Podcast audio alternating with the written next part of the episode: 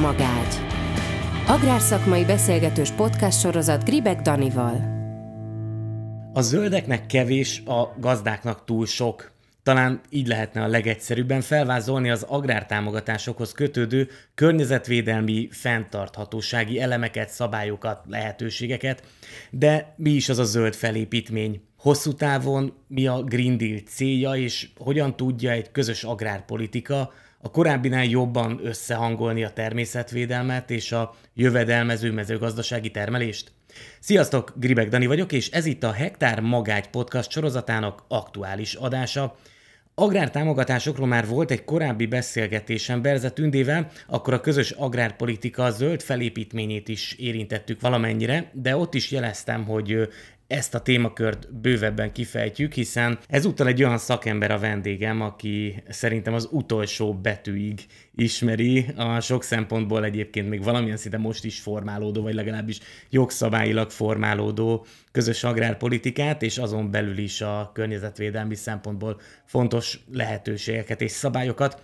Mielőtt azonban elárulnám, hogy kiről is van szó, felhívom a figyelmet a Hektár hivatalos honlapjára, amit a www.hektárpodcast.hu címen találtok meg, de ha szeretnétek értesülni a legfrissebb hírekről és az aktuális adásokról, akkor kövessétek a Hektár mezőgazdasági podcast Facebook oldalát és keressetek minket Instagramon is, állítsátok be az értesítéseket és iratkozzatok fel a Hektárra YouTube-on, Spotify-on, Deezeren, Google és Apple podcaston, és hát bizonyára most már nagyon várjátok, hiszen hetek óta tart a beharangozása a következő nagy szakmázó hektár adásnak, amiben ugye a szakaszos legeltetés lesz a téma, Bekecs Mátyással, Berend Ferenccel és Lengyel Zoltánnal, most már tényleg csak néhány nap és érkezik. A műsor támogatója a Danuba. Legyen zöldebb a mezőgazdaság!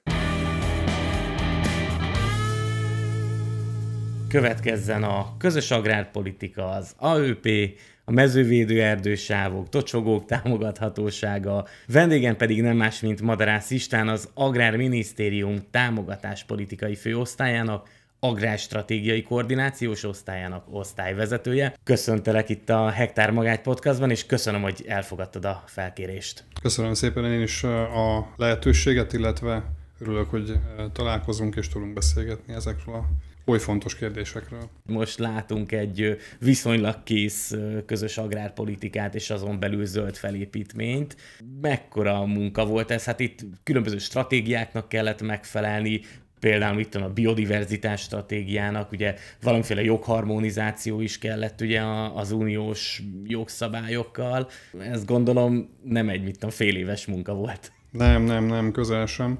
Leginkább a 2018-as nyár elejé bizottsági javaslatcsomaghoz érdemes kötni a, a munka startpontját.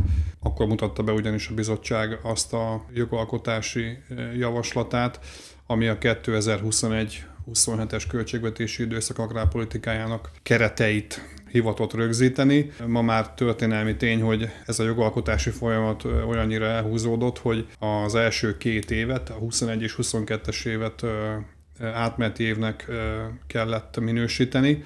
Ezt a bizottság meg is tette.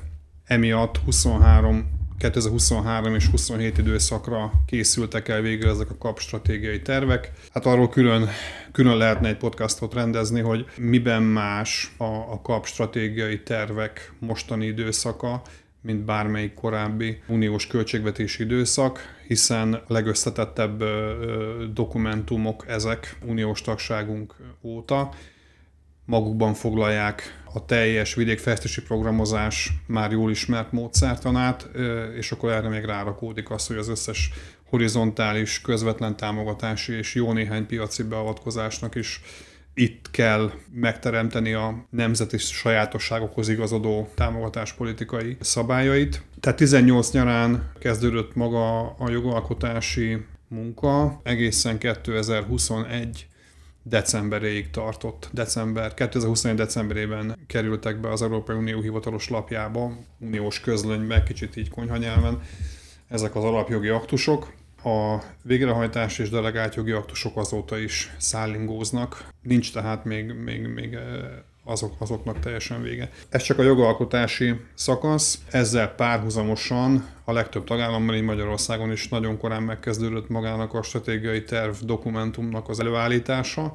Magyarországon 2019 nyarán startolt el hivatalosan ez a munka, és 2022. november 7-én kaptuk meg a hivatalos jóváhagyást a tervdokumentumra. Az első körös benyújtás egyébként az is egy nagy teljesítmény volt, hiszen 2021. december végén, egész pontosan december 30-án határidőre, most nem emlékszem a pontos helyezésünkre, de hogy, hogy így a, az uniós tagállamok ö, sorában így az első az első harmadban, vagy az első, de mindenképpen az első felében a csapatnak mi, mi benyújtottuk, és ez nem mindenkinek sikerült, tehát mondjuk olyan nagy tagállamok is, mint Németország, ezt nem, nem, nem tudták abszolválni. Jó, mondjuk ott bekavartak a választások is, de ez nem azt jelentette, hogy ö, hátradőlhetünk, hiszen utána következett egy három hónapos bizottsági vizsgálat, és a harmadik hónap végén, az azt jelenti, hogy március legvégén kaptunk tavaly ilyenkor gyakorlatilag egy nagyon hosszú észrevétel listát. Ezt a leg, legtöbb tagállam több százas nagyságrendben kapott észrevételt. Ezeket nem csak megválaszolni kellett, hanem, hanem két oldalú egyeztetésekkel a, a bizottsággal megegyezni. És hát ez tartott áprilistól egészen októberig, innentől már történelem. Amire talán nem válaszoltam, az, hogy ugye hogy is vannak ezek a zöld elvárások, meg biodiverzitás stratégia, Green Deal, Farm to Fork. Azt fontos látni, hogy ez a mostani tervezési időszak nem csak azért különleges, vagy nem csak azért volt különleges, mert minden korábbinál komplexebb tervdokumentumot kellett készíteni, hanem azért is, mert hát erőteljesen keveredtek a különböző műfajú elvárások. Tehát a, az unió oldaláról hagyományosan úgy működik az agrárpolitika, hogy van egy több rétegű jogrendszer, vagy jogforrásrendszer, ami ugye áll alapjogi aktusból, sőt ugye legeslegelőször a szerződésből, maga az agrárpolitikai célok, az alapvető agrárpolitikai célok is már ugye a szerződés szinten rögzítettek, tehát a, az unió működéséről szóló szerződés, alapjogi aktus, végrehajtási aktus, illetve ö, delegált jogi aktus. Még ehhez hozzávehetünk bizottsági határozatokat, meg néhány egyéb speciális jogforrás, de, de ez mind jogszabály. Hagyományosan ezek adják a kereteket. Viszont most a tervezésnél és a terv bizottsági jóváhagyásánál egy másik műfaj is ide keveredett, ez pedig a bizottság saját, mondjuk úgy, hogy egyoldalú közleményein alapuló elvárások. Ez talán kevéssé ismert, hogy az európai zöld megállapodás és a, annak a rész stratégiái, azok a legritkább esetben transformálódtak át mai napig jogszabályá. Van olyan, ami már átfordult jogszabályá, mert, mert a bizottság kezdeményezett jogalkotási folyamatot, mondjuk növényvédőszer felhasználás tekintetében, de a, a Green Deal, ami egyébként nem csak a mezőgazdaság, hanem a teljes, az összes gazdasági ág, az összes lényeges gazdasági ágazatra kiterjed, tehát a közlekedéstől kezdve építőiparig mindenre van a Green Dealnek mondása. Ugye a mezőgazdaságban leginkább a farm to fork, tehát az termőföldtől az asztalig stratégia, illetve a biodiverzitás stratégia az, ami konkrét célokat és konkrét feladatokat határoz meg. Igazándiból ezek bizottsági közlemények nem bírnak közvetlen joghatással. Ennek ellenére ezeket figyelembe kellett venni, és a és a bizottság be is vasalta a tagállamokon azokat a sarokvállalásokat, amiket ezen stratégiákból le lehet vezetni. Ennek a háttérnek a, a, a fényében kell vizsgálni és, és megítélni azokat a támogatási formákat, meg, meg előírásokat, amiket mondjuk a magyar kapstratégiai tervben látunk. Ugye három és fél év nagyon kemény munkájáról beszéltél most, tehát hogyha nyilván bárki, akár én is itt a beszélgetés során némi kritikát megfogalmazunk egy-egy pontnál, nyilván rosszul esik a, az embernek, de gondolom azért most az elmúlt napokban elég sok, vagy elmúlt hetekben elég sok kritikát kaptatok, mert hogy járjátok a, az országot, és talán éppen itt a biodiverzitás stratégiát említettem, volt egy konferencia, ahol hallottalak beszélni, és ott fogalmaztál valahogy úgy, hogy te a gazdálkodóknak nem vagy elég gazdálkodópárti, a zöldeknek pedig nem vagy elég zöld. Mert egy kicsit ugye, ugye a kettő között próbálsz hidat teremteni. Egy nagyon picit ezt érzem a mostani közös agrárpolitikával is. Ugye ez a podcast felvezetőjében is ez volt, hogy a zöldeknek nem elég zöld, a gazdáknak viszont még így is sok, vagy sok gazdának így is sok, és ennek azért látszanak jelei, és talán ebből fakadnak majd azok a, azok a kritikus gondolatok vagy felvetések, amiket azért itt mindenképp szeretnék említeni, ezt bizonyítva. Nemrég voltam egy, egy gazdafórumon, ahol az egyik termelő felállt, és azt mondta, hogy hát most ez az agrárökológiai program, vagy agroökológiai program belekényszerít minket, hogy mikrobiológiai készítményeket alkalmazzunk a területen. Csak hogy amikor itt az agrárökológiai programnak a pontjait végigvesszük, majd végigvesszük, érezni olyan pontot, ami, ami mondjuk mindkét fél számára, tehát most a természetvédők és a gazdálkodók számára is egy, egy nagyon jó út lehetne, bár adott esetben nehéz, de érezni benne olyat, ami, ami tényleg csak egy könnyebb út talán. Hogy éppen most a napokban olvastam egy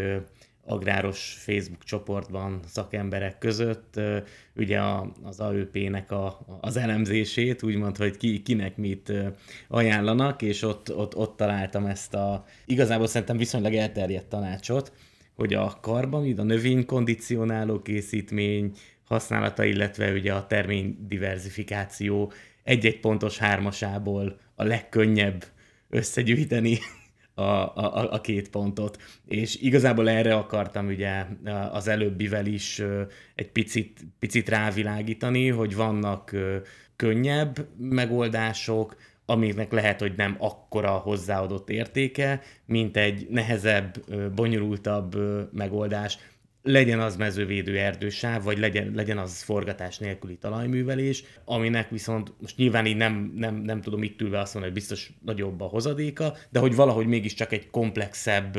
célcsoportot lehet mellé rendelni, és akkor majd megbeszéljük, hogy egyébként milyen céloknak kellett megfelelnie itt a, a zöld felépítménynek. Mikor egy olyan támogatási konstrukciót állítasz össze, aminek a legmélyén, mondjuk úgy, hogy nemzet, nemzetgazdasági szempontból is fontos drive vannak, akkor óvatatlanul változatos lesz a választható gyakorlatok sora. Az agroökológiai program szakmai tartalma előtt azt, azt érdemes felidézni, hogy ennek a, ennek a bevezetése a tagállam számára kötelező, tehát minden tagállamnak kellett, ugye mi agroökológiai programnak hívjuk, de a az uniós jogszabály, ugye az angol nyelvű jogszabály ökoszkímnek nevezi, az alapjogi aktusnak a magyar fordítása pedig ökorendszernek. Hát mi úgy ítéltük meg, hogy ez nem túl szerencsés, sok félreértésre ad okot, hogyha ha ezt használnánk. Szóval legelőször ezt tegyük tisztába, hogy ökoszkím per ökorendszer az uniós jogszabályt, aki forgatja e- ezeket a kifejezéseket keresse, és akkor itt a magyar gyakorlati nyelvben szeretnénk, meg, a, meg egyébként a magyar jogszabály már agroökológiai programot fog tartalmazni. Szóval ennek a bevezetése kötelező minden tagállamban, és a közvetlen támogatási boríték legalább 15%-át erre kell fordítani. Viszont a gazdálkodó számára önkéntes. Ugye az, hogy a közvetlen támogatási boríték 15%-át kell erre fordítani, ez azt is jelenti, hogy ehhez az új támogatási jogcímhez nem kaptunk új pénzt is, hanem ez a meglévő, a nagyságrendileg Magyarországon 1,2-1,3 milliárd eurós közvetlen támogatási kerettel számolhatunk egy évben. Ugye azért mondom azt, hogy tólig, mert hogy pillérek közötti átcsoportosítás miatt kicsit több támogatást tudunk kiosztani, mint ami az uniós alapjogi aktus mellékletében egyébként az EMGA alapból ide rendelendő. Szóval ez a nagyságrendileg 1,2 milliárd euró, ez ugyanaz a pénz, amit tavaly még a SZAPSZ, a zöldítés és az összes többi jogcím kifizetésére fordítottunk. Azzal, hogy az agroökológiai program megjelenik, és hogy a gazdálkodó számára önkéntes, óvatatlanul felmerül annak a lehetősége, hogy itt egy jelentős, akár 15%-os átcsoportosítást, jövedelem átcsoportosítást is okozzon. Ez nem cél az nem volt célja a, az agroökológiai program kialakításának, hogy ez minden áron ezt a 15%-nyi forrást egy akár egészen szűk, zöld szempontból elitnek tekinthető gazdálkodói körhöz juttassa, hiszen arra vannak a kettes pillérben ennél sokkal alkalmasabb eszközök, amilyen az AKG, az ÖKO, a különböző nem termelő beruházások. Az első pillérben különösen fontos a, a józan realitások figyelembevétele. Az egyik vezetőnk kollega mondta azt az egyik bizottsági tárgyalás alkalmával, hogy magyar AÖP modell lényege az, hogy mi azt szeretnénk, hogy ne egyetlen egy gazdálkodó lépjen előre százat, hanem azt szeretnénk, hogy száz gazdálkodónk lépjen előre legalább egyet. És ez azt gondolom, hogy egy abszolút frappáns analógia, és ahhoz, hogy, hogy az ország minden területén tehát régiótól, talajadottságtól, klimatikus viszonyoktól függetlenül mindenki, aki hajlandó és szeretne részt venni az AÖP-ben, részt is tudjon venni, ahhoz az kell, hogy kellően színes legyen a választható gyakorlatok tára. És akkor itt visszajutunk ahhoz a ponthoz, amit a válaszom legelején mondtam, hogy óvatatlanul vannak benne, hogy is mondjam, egyenetlenségek, tehát nyilvánvaló, hogy bármennyire is beszélünk egy, egy pontos, meg két pontos gyakorlatokról, még két darab egy pontos, meg két darab két pontos gyakorlat között is, ha akarunk, találunk elkötelezettségbeli, vagy, vagy, vagy akár effektív kivitelezési költségbeli különbségeket, és akkor ezen a ponton ki kell mondanunk azt is, hogy az AÖP az egy ösztönző támogatás, nem az a célja, hogy egy konkrét gyakorlatba beleerőltesse a termelőt, hanem épp ellenkezőleg az a célja, hogy mindenkit, aki fogékony és, és hajlandó egyel többet tenni a környezetért, mint az előző támogatási időszakban, akkor az válasszon olyat, amit biztonsággal meg tud csinálni a listából.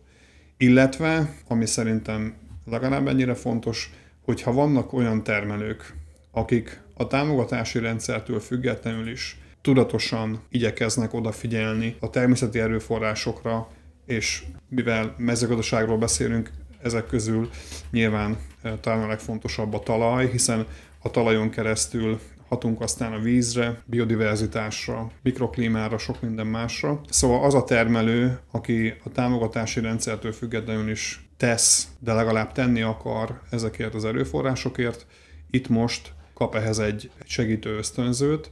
Természetesen a gazdálkodók sem egyformán gondolkodnak, előttem is ismert az az attitűd, ami az által említett példából kiviláglik, sejthetjük mögötte, hogy igazándiból ennek a, ennek a támogatási formának a legkönnyebb módon történő igénybevétele lesz sokak számára az elsődleges cél, de pontosan a, amit mondtál példa, abból is érződik, hogy azért az sem megy csettintésre.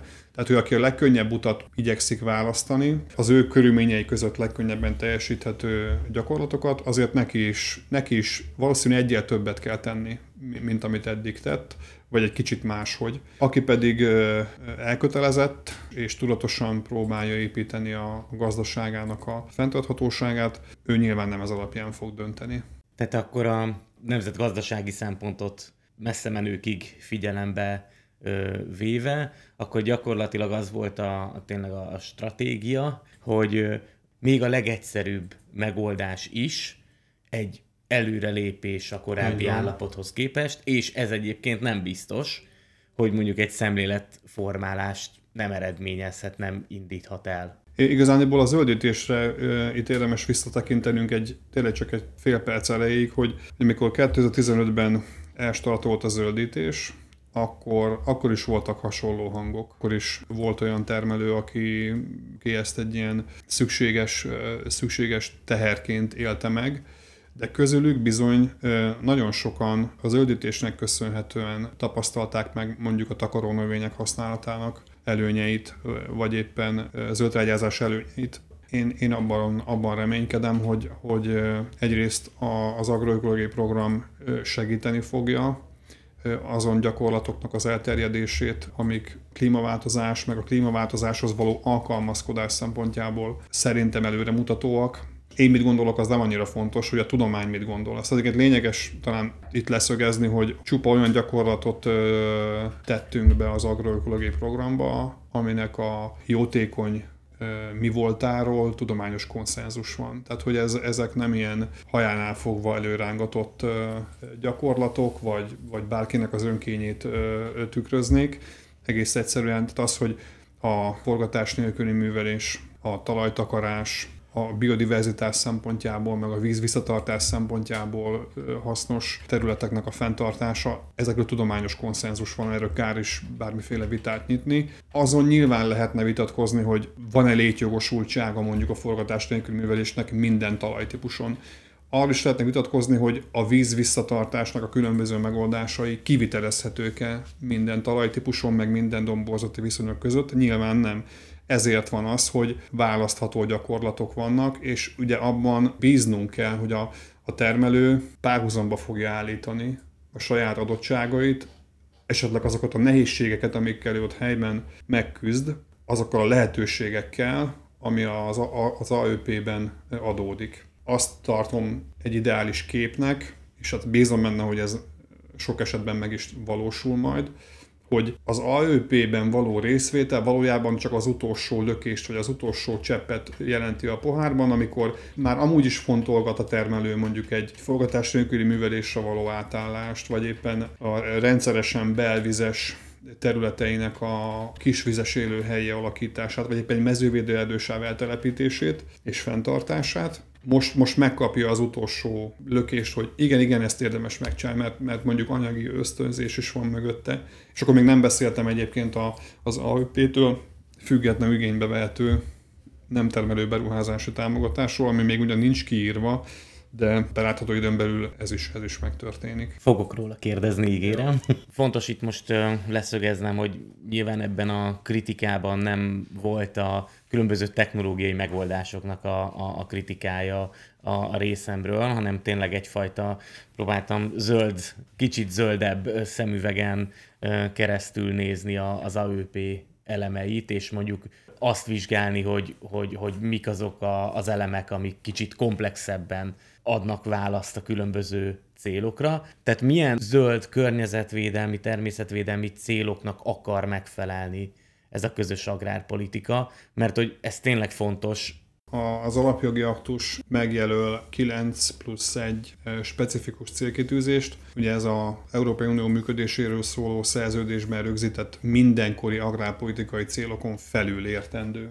Különösen erre a mostani időszakra van ez a 9 plusz 1 specifikus célkitűzés. Fentarthatóság három dimenziója köré csoportosulnak ezek. Három kifejezetten gazdasági, három kifejezetten környezeti, éghajlati és három kifejezetten területi a területi felzárkózás, illetve egyéb társadalmi szempontok köré csoportosítható. És akkor nyilván itt a beszélgetés szempontjából a, a három környezeti célkitűzés az, ami lényeges. Természeti erőforrások védelme, a mezőgazdaság klímaváltozáshoz való hozzájárulásának mérséklése, a magyarul, hogy a mezőgazdaság minél kevésbé fűtse a klímaváltozás folyamatát, illetve ami meg már megtörtént, és, és együtt kell vele élnünk megváltozott éghajlati viszonyok, ahhoz pedig minél jobban tudjunk alkalmazkodni, és a harmadik pedig a, biodiverzitás. Ezek alapjogi aktus szinten rögzítettek, az egész tervezést a specifikus célkitűzések köré kellett fölhúzni, az indikátorrendszer, ami egyébként majd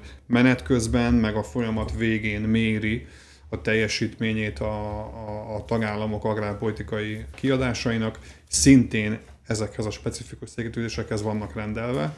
Ha már utaltunk a zöld megállapodásra, akkor itt is tegyük meg, hogy a zöld megállapodás pedig ugye nem fölülírja, hanem, hanem igazából kiegészíti ezeket a célokat a saját biodiverzitás stratégiájával, meg a farm to fork Van egy közös nevező, ami az egész beszélgetés legelején kicsit kontrasztba állított, nem elég zöld, meg nem elég barna tábornak is szerintem egy közös nevezője, ez a talaj.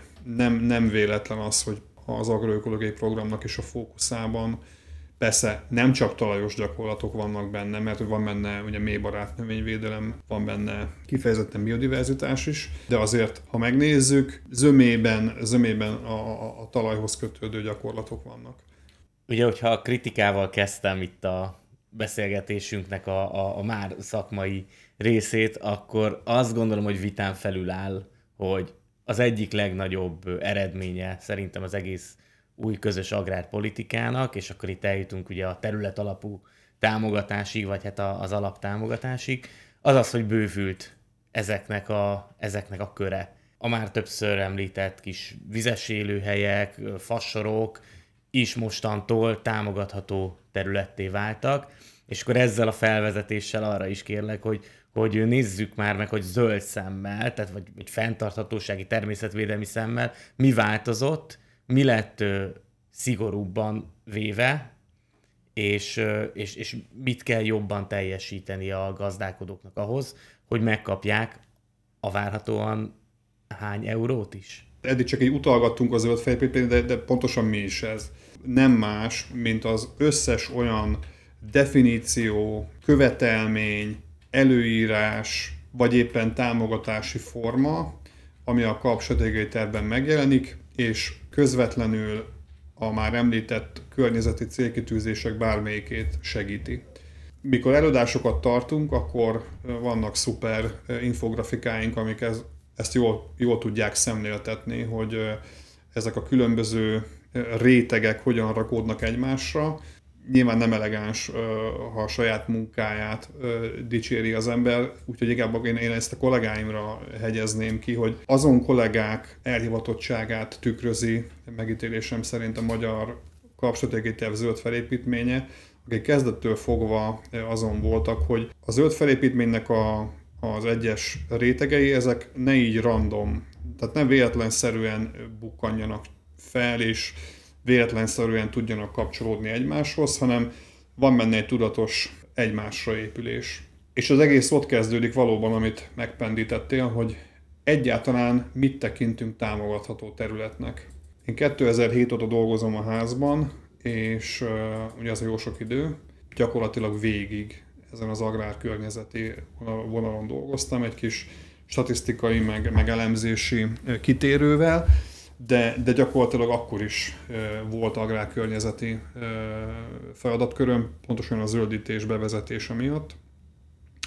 És amióta itt dolgozom, mindig nagyon jó viszonyt ápoltam a, a természetvédelemért felelős szakterülettel. Egy visszatérő kritika volt a részükről, hogy bármilyen zöld támogatási formákat működtetünk a, az agrárpolitikában, azzal a hatással nem igazán tudja felvenni a versenyt egyik sem, hogy évtizedekig a földalapú, ugye a, a, a hétköznapi nyelven földalapúnak hívott alaptámogatás, az kizárólag a megművelt, de legalább a művelésre alkalmas állapotban tartott területre volt igénybe vehető néhány kivételtől eltekintve, mint aminek a védett tájképi elemek, ugye Kunhalom és társai, ami egy abszolút marginális pici halmaz az 5 millió hektárhoz képest. Ezt a pár kivételt leszámítva nem volt támogatásra jogosult. Mondjuk egy mezővédő erdősáv.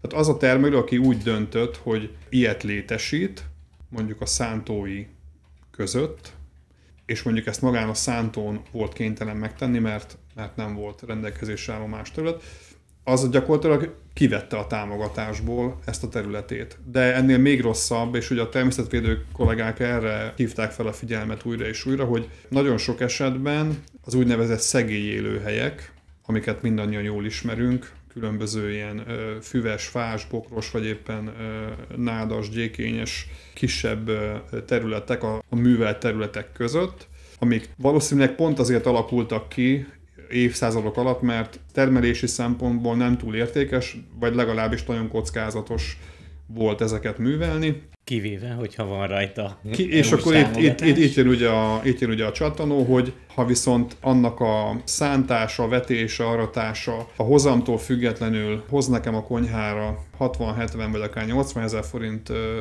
területalapú támogatást, és mondjuk nem áll különösebb oltalom alatt, természetvédelmi jogszabályok által, akkor miért is ne szántanám be?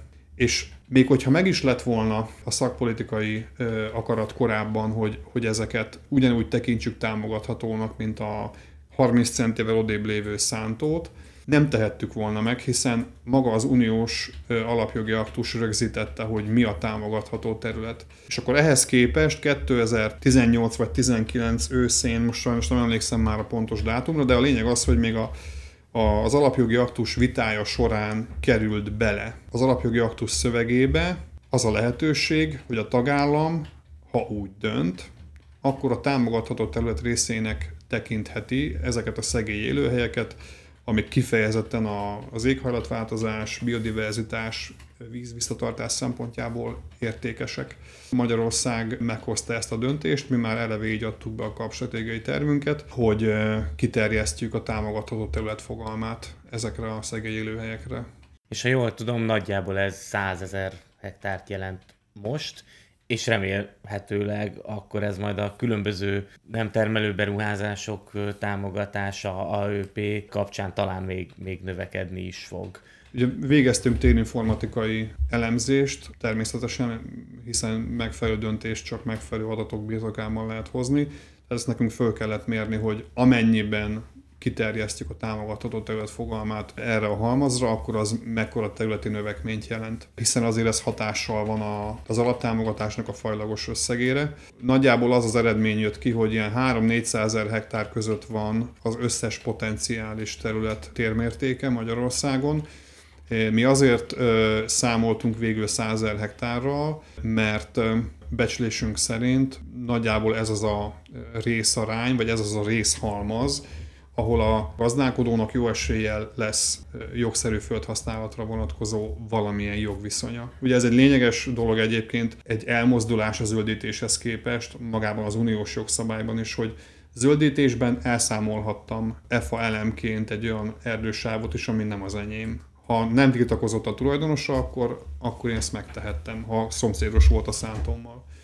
Most viszont ez a kategória úgy, úgymond rendelkezésre áll, ez a kategória már nincsen. Vagy van rá jogszerű földhasználatom, vagy nincs. És a másik lényeges különbség, hogy ezeket mindenképpen a tábla részeként kell igényelni. Tehát, hogyha ha nekem van egy 20 hektáros szántóm, és van mellette egy fél hektáros erdősáv, akkor nekem ezt a 20,5 hektárt egy táblaként kell leigényelnem, és természetesen mind a 20,5 hektárra rendelkeznem kell a jogszerű földhasználat valamelyik formájával, ugye ebből elég sok van. Mik azok a környezeti szempontból pozitív változások, amiknek meg kell felelni a gazdálkodók részéről? Igazániból ö, folytathatjuk a zöld felépítménynek a, a következő szintjeivel. Tehát ugye az, hogy egyáltalán melyik terület jogosult támogatásra, azt, azt az elmúlt percekben körbejártuk. A, még mindig az alaptámogatás szintjén vagyunk, amikor arról kezdünk el beszélgetni, hogy a feltételesség előírás rendszere mennyiben jelent elmozdulást az előző időszak kölcsönös megfeleltetési, illetve zöldítési követelményeihez képest. És ugye szándékosan mondom ezt így párhuzamosan, mert feltételesség, mint követelményrendszer, az lényegében az előző időszak kölcsönös megfeleltetési követelményei, plusz a zöldítésnek egyes követelményei, plusz néhány új. A jó hír az, hogy azért nem csak a pluszok vannak ebben az egyenletben, hanem vannak mínuszok is, mert a, ezt felismerte az uniós jogalkotó is, sőt már maga a javaslattétel szintjén a bizottság is, hogy azok a jogszabályban foglalt gazdálkodási követelmények, amik az állatjelölésre irányultak, egészen a 2022-es évvel bezárólag, kölcsönös megfeltetésben, tehát itt gondolok a kérődzők és a sertések egyedi jelölése és nyilvántartása. Ugye itt egy, egy állattartó, hogyha az Unióban bárhol valamilyen hibába belefutott az állatjelölés témakörben, akkor nem csak a hatósággal szemben kellett viselni a következményeket, hanem a támogatási rendszerben is, hiszen egy százalékos szankciók nagyon könnyen megszületnek mondjuk bizonyos füljelzők hiánya esetén, és ez egy aránytalan szankciót jelentett, mondjuk egy növénytermesztő gazdasághoz képest, ahol ilyen kockázat a támogatás szempontjából föl sem merül. Tehát, hogy ezek a jogszabályban foglalt gazdálkodási követelmények, amik az állatjelölésre irányultak, ezek kikerültek. És akkor, amik viszont bekerültek, azért sokkal több, hiszen a, a, a zöldítésnek a, az állandó gyep fenntartásra irányuló gyakorlatai, a szántó arányában meghatározandó nem termelő területek, ugye ez a zöldítésben EFA-nak csúfoltuk, ugye a hivatalos magyar nevennek ökológiai jelentőségű területek volt. Ez most is van, csak most most már nem zöldítésben van, és nem EFA, hanem, hanem a feltételességnek a 8 számú HMK-ja, nem termelő elemek és területek kijelölése, ez a, ez a becsületes neve. És ez több, ugye, ha jól tudom? Több, több, mert ugye zöldítésben 5%-ról beszéltünk, és lássuk az 5% az szabadon kielégíthető volt, nem csak tájképi elemmel, parlaggal, hanem másodvetéssel és nitrogén megkötő növényel is. A mostani időszakban úgy szól a szabály, hogy minimum 4% a szántónak az vagy tájképi elem, vagy talajtakarásos parlag, ha pedig bármi oknál fogva nem tudja a 4%-ot a termelő teljesíteni, akkor lemehet 3%-ra a tájképi elemmel és vagy parlaggal, talajtakarásos parlaggal, de ezért az 1% pont engedményért cserébe fel kell mutatnia legalább plusz 4 százalék másodvetést, vagy nitrogén megkötő növényt. Ez az alapjogi aktusban rögzített elvárás. Mi ugye abban kaptunk mozgásteret tagállamként, hogy, hogy ezt milyen tartalommal töltjük fel, milyen opciókat teszünk lehetővé a termelők számára. Természetesen Magyarország minden opciót lehetővé tesz, amit az alapjogi aktus nevesít, sőt, van egy jó pár kivétel amit szintén az alapjogi aktus nevesít, hogy a tagállam milyen kivételeket adhat, akiket részben vagy egészben mentesít az egyes követelmények alól.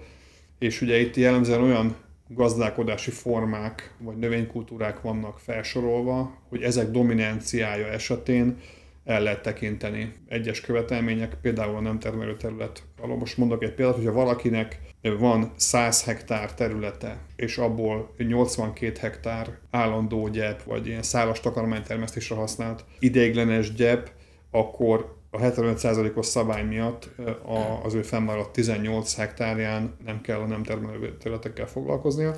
Tehát itt, itt például mindenképpen van egy, egy erősebb zöld szemlélet ennél a 8-as számú HMK-nál, a zöldítés korábbi 5%-os FI-jához képest. De mondhatnánk a keményedő vetésváltási szabályokat. A magyar stratterv esetében mindezt annak ellenére ki kell mondanunk, hogy, hogy keményebbek a, a vetésváltási szabályok, mint korábban, hogy azért a magyar stratterv jó néhány rugalmassági elemet tartalmaz. A bizottság induló ajánlata az volt a tagállamok felé, hogy mindenféle kivétel és engedmény nélkül évente másfél növényt kell termeszteni a területen.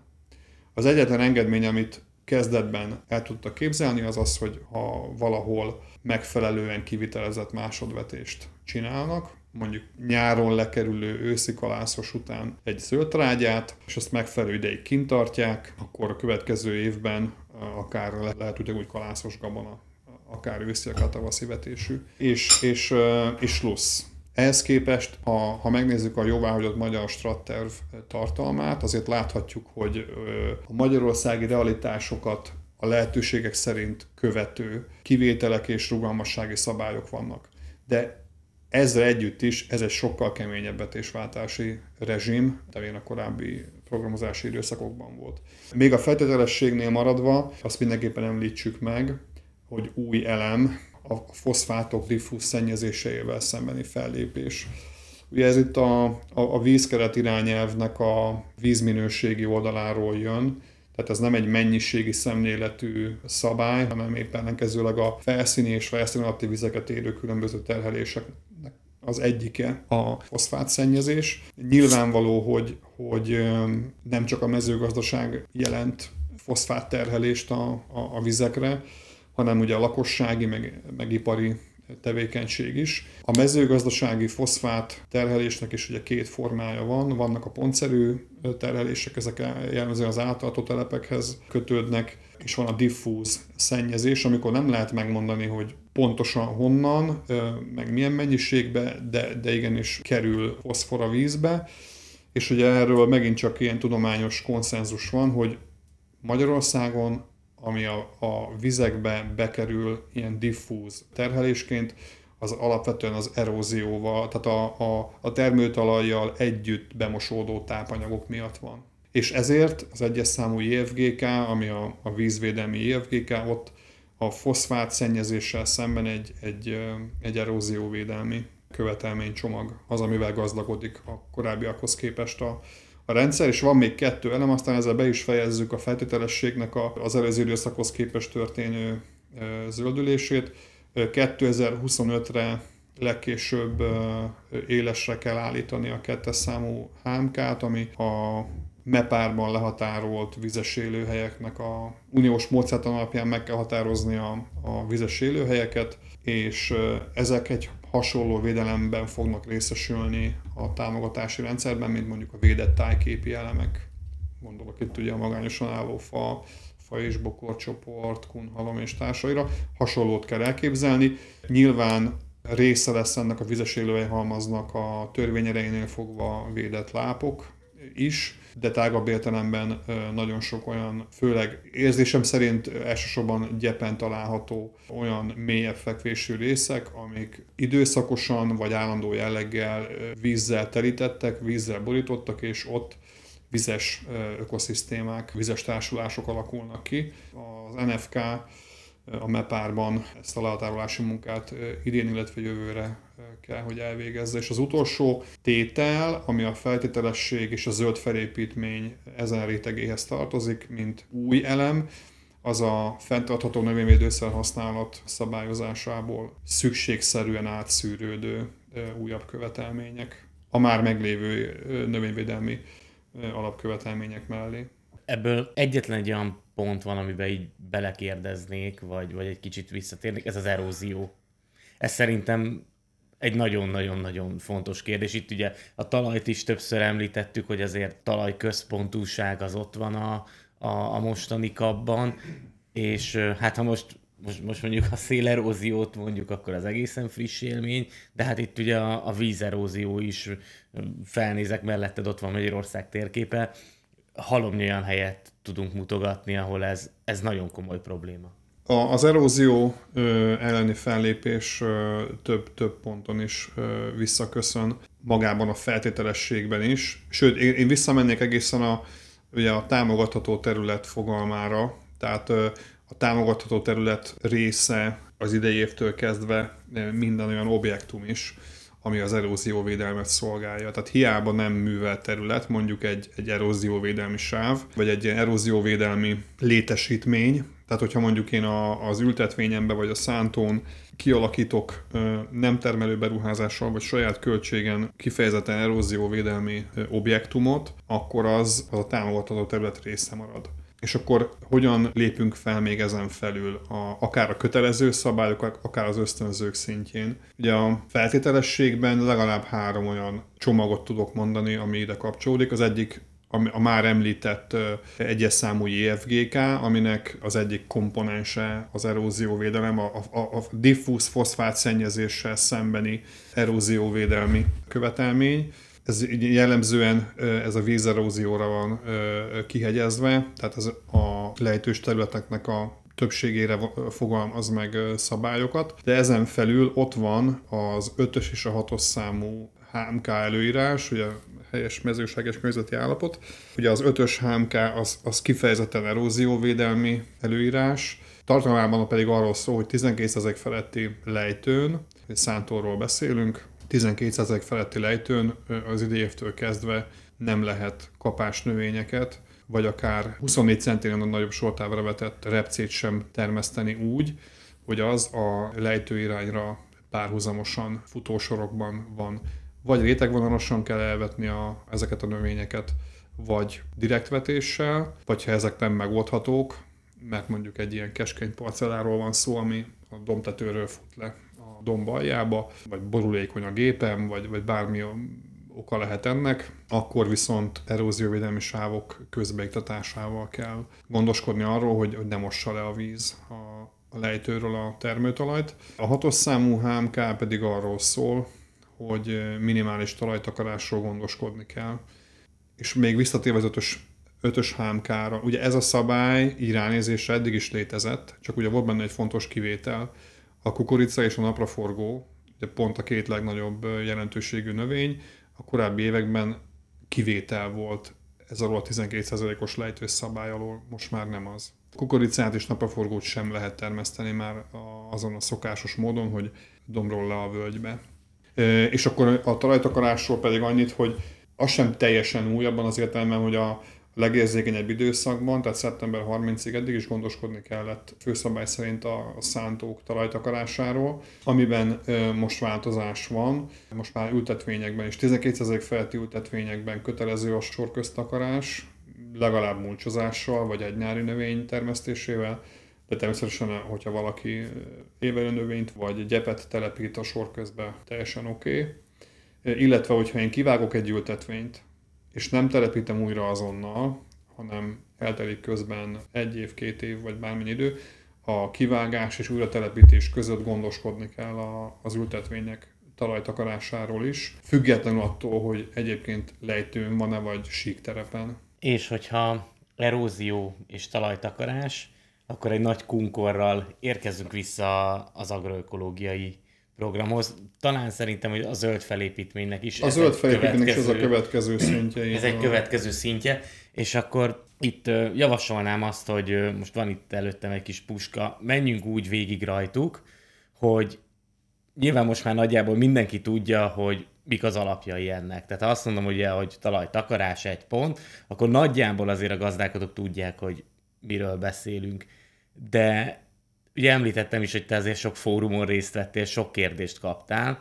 Ha, ha megkéretlek, én nagyon örülnék, hogyha olyan pontokat beszúrnál, vagy olyan gyakorlati megjegyzéseket, amik mondjuk első körben még nem, nem derülnek ki az adott tájékoztatóból, még kevesen tudják, illetve nyilván lesz egy-két kérdésem is majd, de akkor az első a talajtakarás, minden igaz, akkor egy pontért. Én, én azt gondolom, hogy a, a talajtakarásnál abból érdemes kiindulni, hogy aki ezt választja, az az üzemének a teljes szántott területére választja. Eleve, eleve az AÖP-nek az egy, az egy lényegi rendező elve, hogy mindent vagy semmit. Persze hát aztán van, van, néhány, van néhány eltérés, de hogy hogy alapvetően az AÖP arról szól, hogy vagy bejövök a teljes üzememmel az AÖP-be, vagy sem.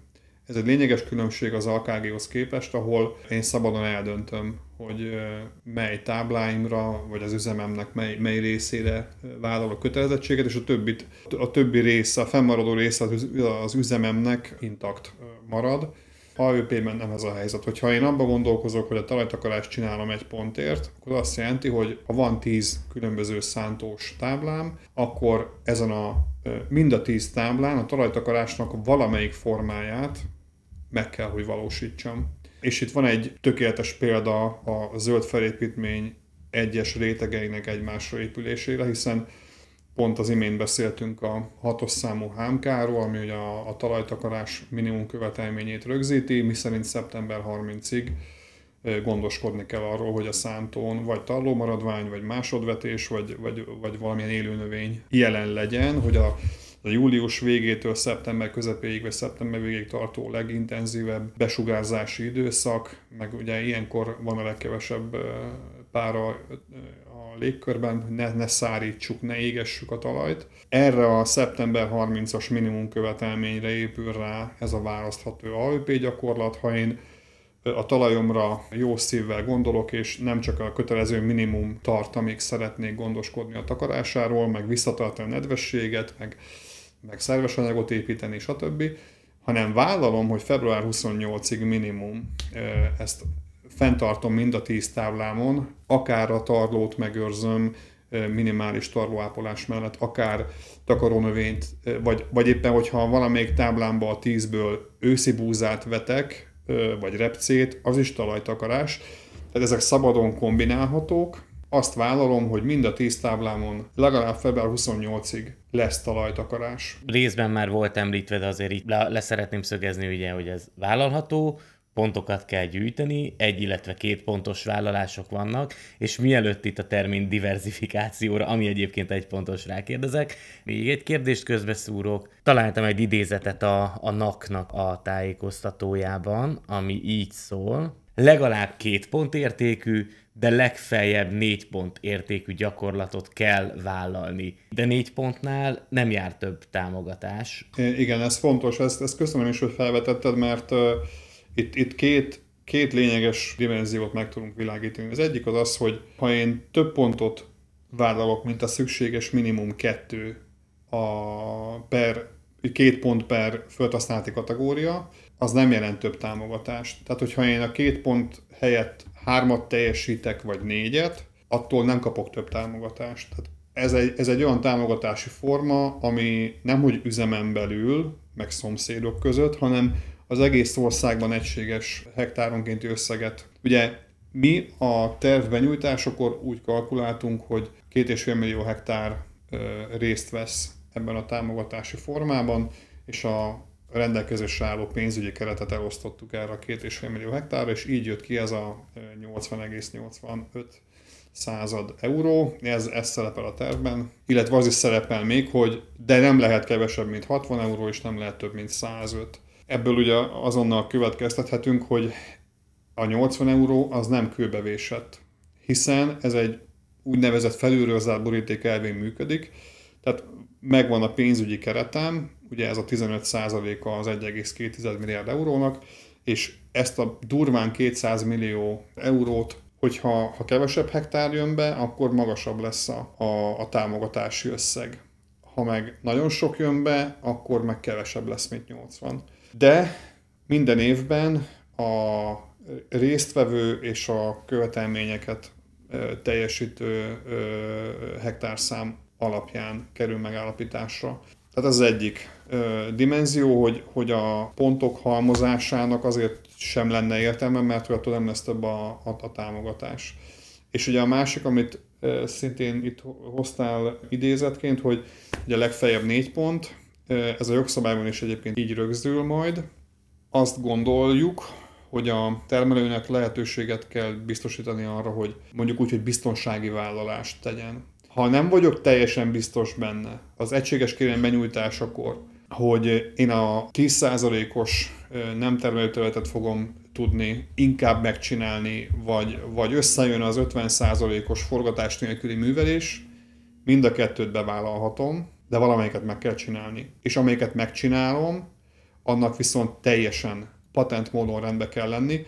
Tehát olyan nincs, hogy kicsit ezt is csinálom, kicsit azt is, és a kettőből majd, majd összejön valami. Ez, ez, van a, ez van a négy pont hátterében. Termin diversifikáció egy pont. Én azt gondolom, hogy itt az alapgyakorlatot bárki meg tudja nézni a tájékoztatókba, ugye, hogy 10 hektárig, 10 és 30 hektárig hány növénykultúrával kell foglalkozni. Itt van-e valami olyan, amire nagyon oda kell figyelni? Igen, igen, igen. Ez, ez pont itt a jogalkotási folyamat végén kaptunk egy olyan észrevételt, pontosabban kérdést, hogy és a strattervből sem derül ki egyértelműen, de már a, a jogszabályban ezt, ezt elvartuk, ezt a szálat. Nézzük mondjuk azt a, azt a méret sávot, amikor ugye öt növényt kell termesztenem Ugye úgy szól a stratterv, illetve majd a, a, ugye a végrehajtási rendelet, rendeletünk is, hogy ha én 300 és 1000 hektár közötti szántót művelek, akkor legalább 5 növényt kell termesztenem, és az 5 növény közül a legkisebbnek is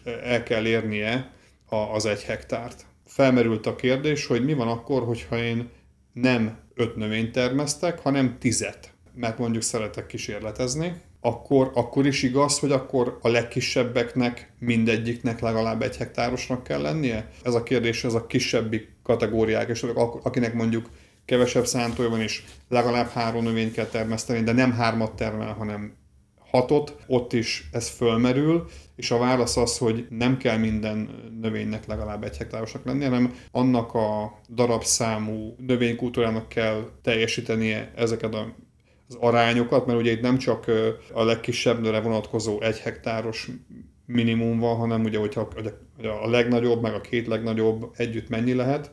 Szóval, hogy ami minimálisan megkövetelt darabszámú kultúra az adott méretkategóriában, azokra vonatkozik ez a szabály.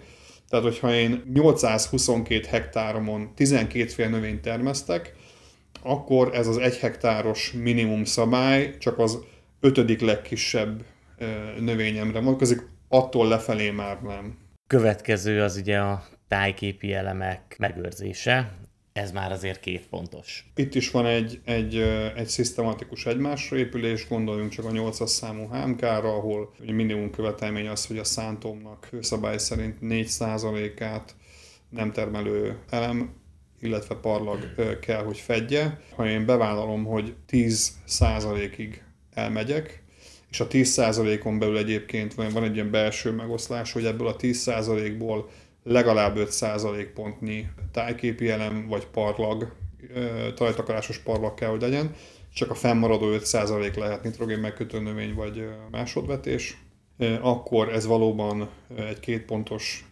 gyakorlat. Én azt hiszem, hogy ennek a környezeti erőnyeihez különösebb kommentárt nem kell fűzni, ez, ez magától értetődő.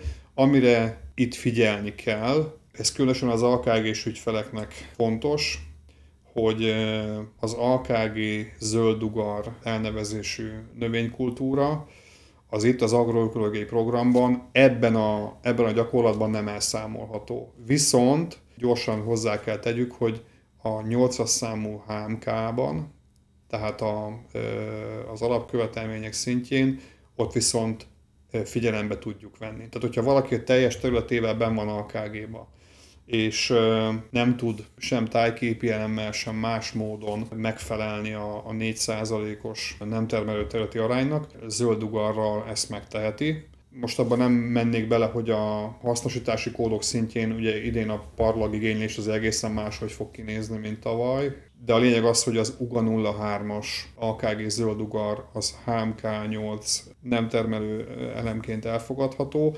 AÖP-ben viszont nem, mert az már kettős finanszírozás lenne. Amire még figyelni kell, és ott megint zárjában mondom, ez nem az AÖP, hanem a, a HMK miatt fontos, hogy a nem termelési kritérium a zöldugarra is vonatkozik, hogyha behozzák HMK-ba, tehát ott január 1-től augusztus 31-ig nem lehet termelőtevékenységet végezni.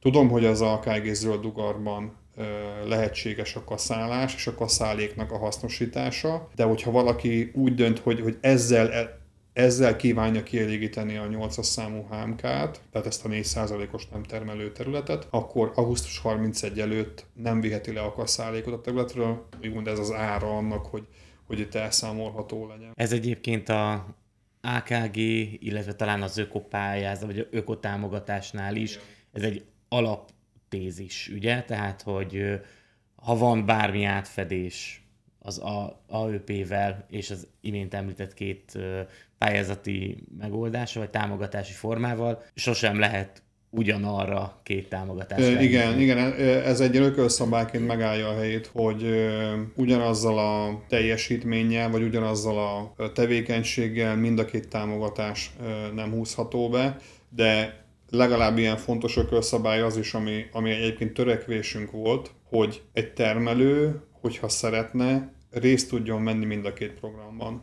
az magától értetődő, hogy, hogy ezek nagyon hasonló jellegű támogatások. Éppen ezért nekünk, mint jogalkotónak arra, arra különösen nagy hangsúlyt kell fektetni jó előre, már a szabályozás szintjén is, hogy ne keveredjünk se tagállamként, se, se termelőként kettős finanszírozási helyzetbe, mert, mert annak nagyon komoly audit kockázatai lennének. Mi az AÖP és az AKG, illetve az AÖP és az ÖKO viszonyát igyekeztünk, meg igyekszünk úgy rendezni, hogy a teljes gazdaságával részt tudjon venni párhuzamosan mind a két programban. Tehát az AKG-ban, AÖP-ben, vagy éppen Ökoban és AÖP-ben a termelő. Amire figyelnie kell, az pontosan az, amit te is mondtál, meg az előző példában rávilágítottunk, hogy ugyanaz a zöld ugar, nem elégítheti ki egyszerre a, az AKG és többlettámogatás, meg az AIP és többlettámogatás követelményeit,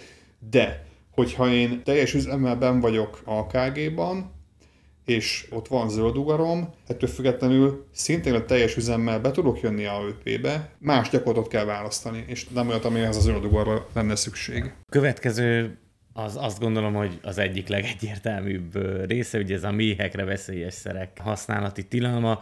Ezt egyébként ugye mintavételezéssel ellenőrizni is fogják, gondolom. Tehát itt azért ez a, ez a fontos pont, hogy nem lehet ezt, mit tudom, este lepermetezem, amikor nem látja senki. Ugye ez a felszínen egy roppant uh, egyszerű gyakorlat, és vélelmezem, hogy egyébként uh, sok olyan termelő van, aki alapból nem használ mélyekre veszélyes uh, növényvédőszereket. Itt a lényeg valóban a ott érhető tetten, hogy ezt hogyan, hogyan lehet ellenőrizni, hogyan tud arról megbizonyosodni a, a kifizető ügynökség, hogy ez a, ez a gyakorlat ez valamilyen szubstanciával rendelkezik. Két dimenzió van. Az egyik az az, hogy a, a, a permetezési napló, ami ugye az idei évtől kezdve ugye már elektronikusan megy főszabály szerint a rovarörőszelekre, eleve az online permetezési naplónak a tartalmát azt a kincstárnak átadja a nébih.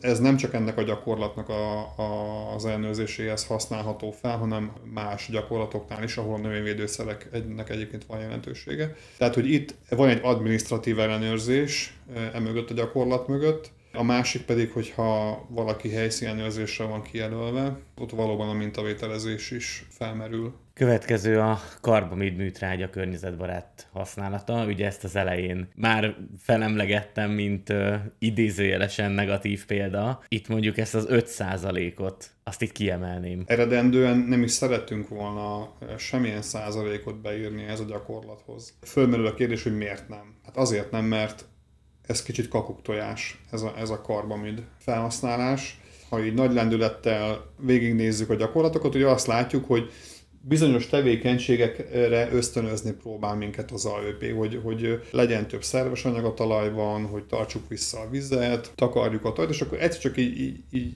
szembe jön a karbamid, ami hát a legjobb, a legjobb indulattal sem nevezhető egy környezetbarát terméknek, vagy hát tápanyag kiutatási, vagy tápanyag utánpótlási formának, Tény is való, hogy vannak technológiai előnyei, tehát hogy, hogy nem véletlenül népszerű növénytermesztő körökben, talán hatékonysági szempontból leginkább, de ez a gyakorlat azért kakuktojás, mert mi itt nem a karbamid tartalmú műtrágyák használatát szeretnénk ösztönözni, hanem itt egy másik logika érvényesült.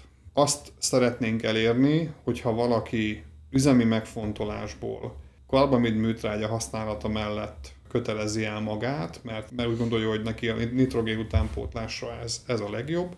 Oké, okay, de hogy ha már, ha már így döntött, akkor az AÖP-ben, akkor tegye meg, hogy úgy juttatja ki, hogy azzal a legkevesebb környezeti terhelést okozza. Magyarul, ha szilárd készítményről van szó, akkor azt azonnal beforgatja, ha pedig folyékony készítményről van szó, akkor az azonnali beforgatás mellett még inhibitort is kijuttat. Az egy nagyon szomorú körülmény megítélésem szerint, hogy nagyon sok helyről úgy jött vissza, hogy hát akkor majd három négyzetméteren kiszórunk egy kis karbanyot, és akkor ezzel, ezzel le van tudva egy pont. Ezért került be az 5 százalék. Hát itt ugye osztottunk, szoroztunk, beszéltünk szakértőkkel, és ugye oda jutottunk, hogy ha legalább a szántó 5%-án vagy ha ültetvényről van szó, akkor az ültetvénynek legalább 5%-án ezt ezen kiutatási szabályok mellett kell megtenni.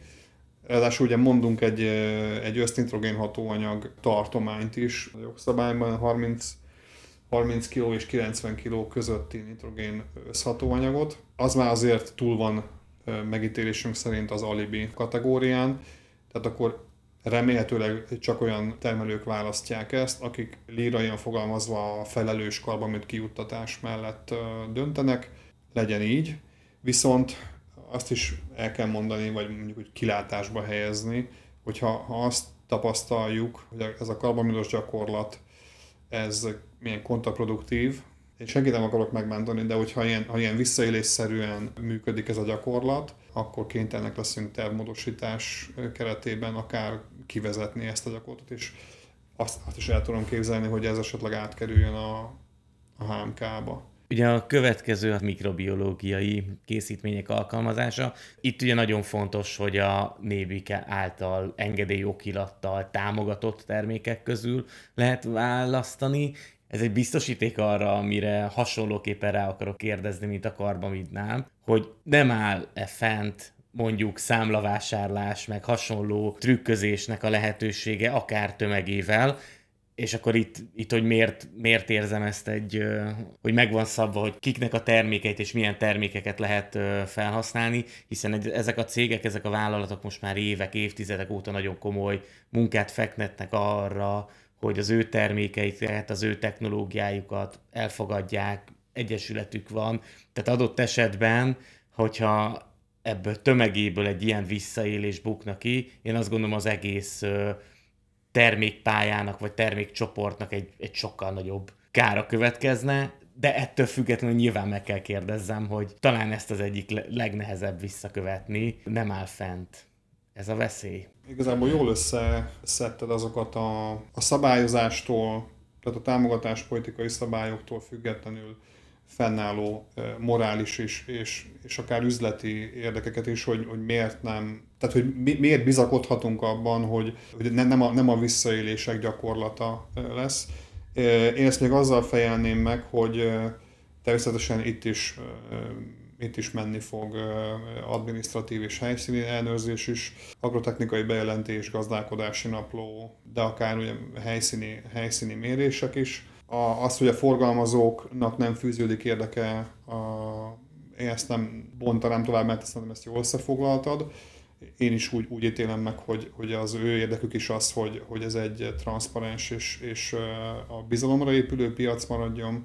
Eleve szerintem ezek a termékek nagyon nagy arányban bizalmi kategória, hiszen, hiszen mikroorganizmusokról beszélünk. Az, hogy, hogy a névik által bevizsgált és a, a névik által engedélyokiratban forgalmazásra jogosított termékekről beszélünk, mi ezt is egy garanciális elemként tekintjük, és nem, nem elhanyagolható az a körülmény sem, hogy pontosan a, a, a magyarországi klimatikus és talajviszonyok között kipróbált termékek nem összehasonlíthatóak mondjuk egy skandináv vagy éppen egy mediterrán helyen engedélyezett termékkel, tehát hogy itt van egy ilyen bizalmi és, és minőségi garancia is a, a, ebben a nébik engedélyokiratos követelményben. A másik pedig, hogy azt látjuk, ahogy járjuk az országot a különböző tájékoztató eseményeken, nagyon sok csillogó szemű termelővel találkozunk, akik valójában az AVP-től függetlenül már, már fölismerték akár évekkel ezelőtt, hogy talajélettel foglalkozni kell, mert hogy a talajélet az nem csak annyi, hogy most uh, oda kiuttatok x milliárd mikroorganizmust per deciliter, hanem ha ezt éveken keresztül tudatosan csinálom, és megteszek mindent azért, hogy ezek a, ezek a mikróbák ott jól érezzék magukat, és, és elvégezzék azt a munkát, amit el kell végezniük, akkor azt a talajom jobb tápanyaggazdálkodással, jobb vízháztartással, jobb hőháztartással, uram, bocsá, jobb asszálytűréssel fogja meghálálni, és igazából az AÖP-re és az AÖP-ben a ezen készítmények felhasználásának lehetőségére egy ilyen habatortán, egy ilyen koktélcseresznyeként tekintenek, hogy hát akkor akkor most már legalább a támogatási rendszer is ezt elismeri. Ezt alátámasztva, ugye az Agromas expo az egyik cégnek a területi képviselőjével beszélgettem, biztos magára ismer majd most, és, és neki is ez volt irányomba az ellenérve a, a kritikámra, hogy, hogy ők azért próbálnak technológiában gondolkodni, próbálnak adott esetben nem csak egy mikrobiológiai készítményt a, a gazdának nyújtani, hanem akkor forgatás nélküli technológia, akkor talajborítás, és, és ezt talán egy komplex rendszerbe tenni, és talán ugyanezt lehet elmondani a talaj- és növénykondicionáló készítményekre, nitrogén kötőkészítmények alkalmazására, és nagyon sok mindenben hasonlít a mikrobiológiai készítményekre, lásd a, a nébikes listát. Azok a készítménylisták tájékoztató jelleggel már elérhetőek a minisztérium és a kamara honlapján is, amik az agroökológiai programban, ezekben a gyakorlatokban elfogadottak lesznek. Hát a következő pont az átlagos hektár hallgatók számára szerintem a legérdekesebb, mert hogy ö, ugye forgatás nélküli talajműveléssel, regeneratív gazdálkodással rengeteget foglalkozom a podcastokban, és ugye hát ez maga a forgatás nélküli talajművelés, és itt azért van néhány kérdésem, ami ezt a témát érinti. Egyrészt mit tartozik a forgatás nélküli talajművelésben, mert megint csak a naktájékoztatóból idézek, és akkor megmondod, hogy egyébként a háttérben mi van, hogy ugye forgatás nélküli művelésmód, zárójel minimum művelés, zero tilt direktvetés alkalmazása. Eleve ebbe például egy strip tilt nem látok, hogy az ide jöhet-e, vagy az nem, a sávos művelés. Mi tartozik bele a forgatás nélküli művelésbe, mert ez egyébként egy viszonylag tág fogalom. Ha most már tényleg ö, rövid időn belül a reményeink szerint megjelenő jogszabály van, ez ö, szerintem egyértelművé válik. A motiváció és, és, az, és az alapelképzelése mögött, a gyakorlat mögött az, hogy ö, klasszikus értelemben vett mészántás és a, a klasszikus értelemben vett nehéz tárcsázás, tehát a talaj felső rétegének a módszeres, évenként történő bolygatása, megforgatása, ugye az ott élő aerob, anaerob organizmusok életfeltételeinek a ellehetetlenítése, oltatlanul a talajnak a kiszáradása. Most nem, nem akarnám ezt tovább fokozni, de alapvetően a, az eke és a tárcsa ellen fogalmazódott meg az 50%-os, ez a gyakorlat 50%-os területi lefedettséggel kell, hogy bírjon minimum. Emögött ugye azonnal azonosíthatjuk azt a józan felismerést is, hogy nyilván nem minden üzem, nem minden terület típusán kivitelezhető forgatás nélküli művelés, ezt tudomásul kell venni, mi is tudomásul vettük. Viszont ahol ahol ez megtehető. Ennek nagyon komoly szakirodalma van, ezt nyilván most nem is kell fel, felsorolni, de visszatérve a kérdésedre. Tehát mi nem úgy, nem úgy közelítjük meg a forgatás nélküli művelést az AÖP-ben, hogy mi minden fér bele, hanem épp ellenkezőleg, ami az, ami nem fér bele. És ami nem fér bele, az a szántás, bármilyen formában. Egyébként itt a sávos művelés sem fér bele. Ami, ami meg szintén nem fér bele, az a, az a 10 cm mélyebben végzett tárcsázás. Ez az a két olyan sarokpont, ami kizáró tényező. Például, bocsánat, hogy leragadok ennél, csak ugye volt egy sávos művelés nagy podcast adásunk, ugye három órás, és ott azért nagyon sok előnyét végigvettük. Az például miért nem fér bele? Roppant egyszerű a magyarázat, de egyébként a sávos művelés mellett még vagy csomó dolgot tudnánk mondani, ami nagyon hasznos és nagyon előremutató.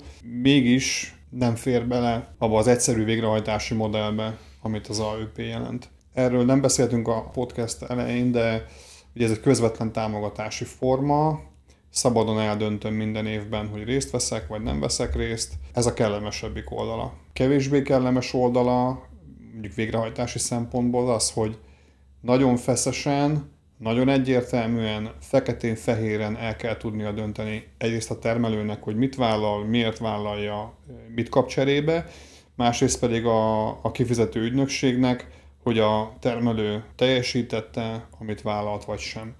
És ugye az összes olyan gyakorlat, vagy, vagy technológia, megoldás, ami egyébként nagyon szuper, de a megítélése az hordoz némi szubjektumot, vagy, vagy bonyolult, a, a, a tévedés, vagy a, vagy, a, vagy a nem kellően megalapozott hivatali döntésnek a melegágya lehet, azokat igyekeztünk mellőzni, és hát azt kell mondanom, hogy a sávos művelés is ez a kategória, hogy kétség nem fér hozzá, hogy ez egy nagyon jó gyakorlat, viszont ugye az AÖP-t úgy kell elképzelni, hogy az egységes kérelem benyújtásakor, tehát jellemzően május közepén végén a termelők benyújtják, ha első évben nem is, de mondjuk egy átlagos évben az az elvárás, hogy október 16-án már előleget fizessen. Ezen a jogcímen is a, a kincstár.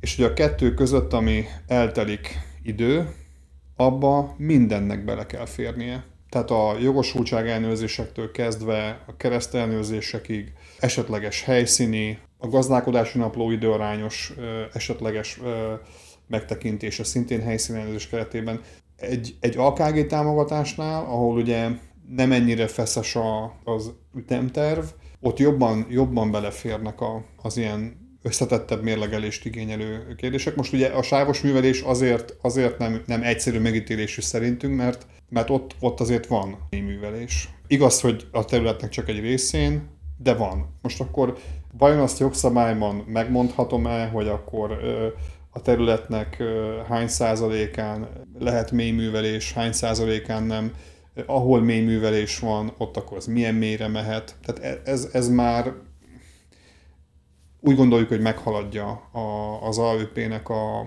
módszertani kereteit. Említettünk itt hagyományos forgatás nélküli művelést, és akkor eljutunk a no-tillig. de mind a kettő két pontos. Nem lehetett volna ezt súlyozva egy picit diversifikálni, és akkor lehet, hogy itt is azt mondod, hogy jogszabály. Szerintem ráéreztél a dolog ízére, mert igen, ugyanez a válasz, hogy természetesen szakmailag egyet kell csak azzal, hogy az ekének az elhagyása nem egyenlő egy több éves tudatos nótilnek az alkalmazásával. Vagy akár egy mintil, hogy akkor ne, ne zárjuk ki, ne, ne kapjam azt a vádat, hogy mindig a nótilt emelem ki. Tehát, Ö, hogy... De a, a mondat így is igaz, de, de azt gondolom, hogy az a végrehajtás szempontjából, és a, ennek, a, ennek a jogcímnek ugye pont az a nagy erőssége, hogy bármennyire is most még tele vagyunk kétségekkel, meg, meg, meg izgalommal, hogy majd hogyan, hogyan működik a gyakorlatban, de, de azért alapvetően ez egy, ez egy egyszerű, egy egyszerű közvetlen támogatási forma. Már valószínű így is bonyolultabb annál, mint amit a legtöbb gazdálkodó úgy szívesen végigcsinál, de, de mégis igyekeztünk egyszerűre csinálni, és ugye minden ilyen, ilyen differenciálás, minden ilyen megkülönböztetés, az, az valójában bonyolítja, és mivel ugye mérlegelni kell, hogy akkor ez most most akkor no-till, vagy, vagy mintil, vagy, vagy, csak simán, vagy csak simán nem szántottak. Ez kockázatot hordoz abból a szempontból, hogy belefér az ügyfél, meg belefér a jogcím ebbe a, ebbe a feszes éves pénzügyi ö, végrehajtási modellbe. Istenem, mondok még egy érvet, amire lehet, hogy nem is kell ennyire belemenni a mélyébe, mert most kezdtem el gondolkodni rajta, hogy rendben, de hát ez két pont. Tehát most vagy az lenne, hogy a sima forgatás nélkül itt levisszük egy pontra, ami nem biztos, hogy jó módszer, vagy ezt három pontra, hát de igen, annak, meg, igen, igen. annak meg nincs értelme gyakorlatilag. Hát különben, hogyha azt látjuk, hogy nem két és fél, hanem négy és fél millió hektáron bejön az AÖP, és, és mindenki AÖP-zni akar, és, és egymásra licitálnak a termelők, hogy de még ezt jó lenne, de még azt jó lenne, akkor Nyilván az, az az ajtó mindig nyitva áll, hogy tervmódosítással szofisztikáltabbá tegyük az AÖP-t. Uram, bocsá, hogyha ha tartósan úgymond túligénylésben van, tehát hogy bőven meghaladja tartósan a két és fél millió hektárt az igénylés, elméleti lehetőség még arra is van, hogy, hogy a pénzügyi keretét ö, növeljük, de, de azt gondolom, hogy az első két évet mindenképpen meg kell várni, hogy mit mutat és utána hív meg beszámolni arról, hogy ez így történt, mert szerintem az egyébként mindenkinek, gazdálkodónak, Biztos. természetvédőnek, mindenkinek egy pozitív dolog lenne.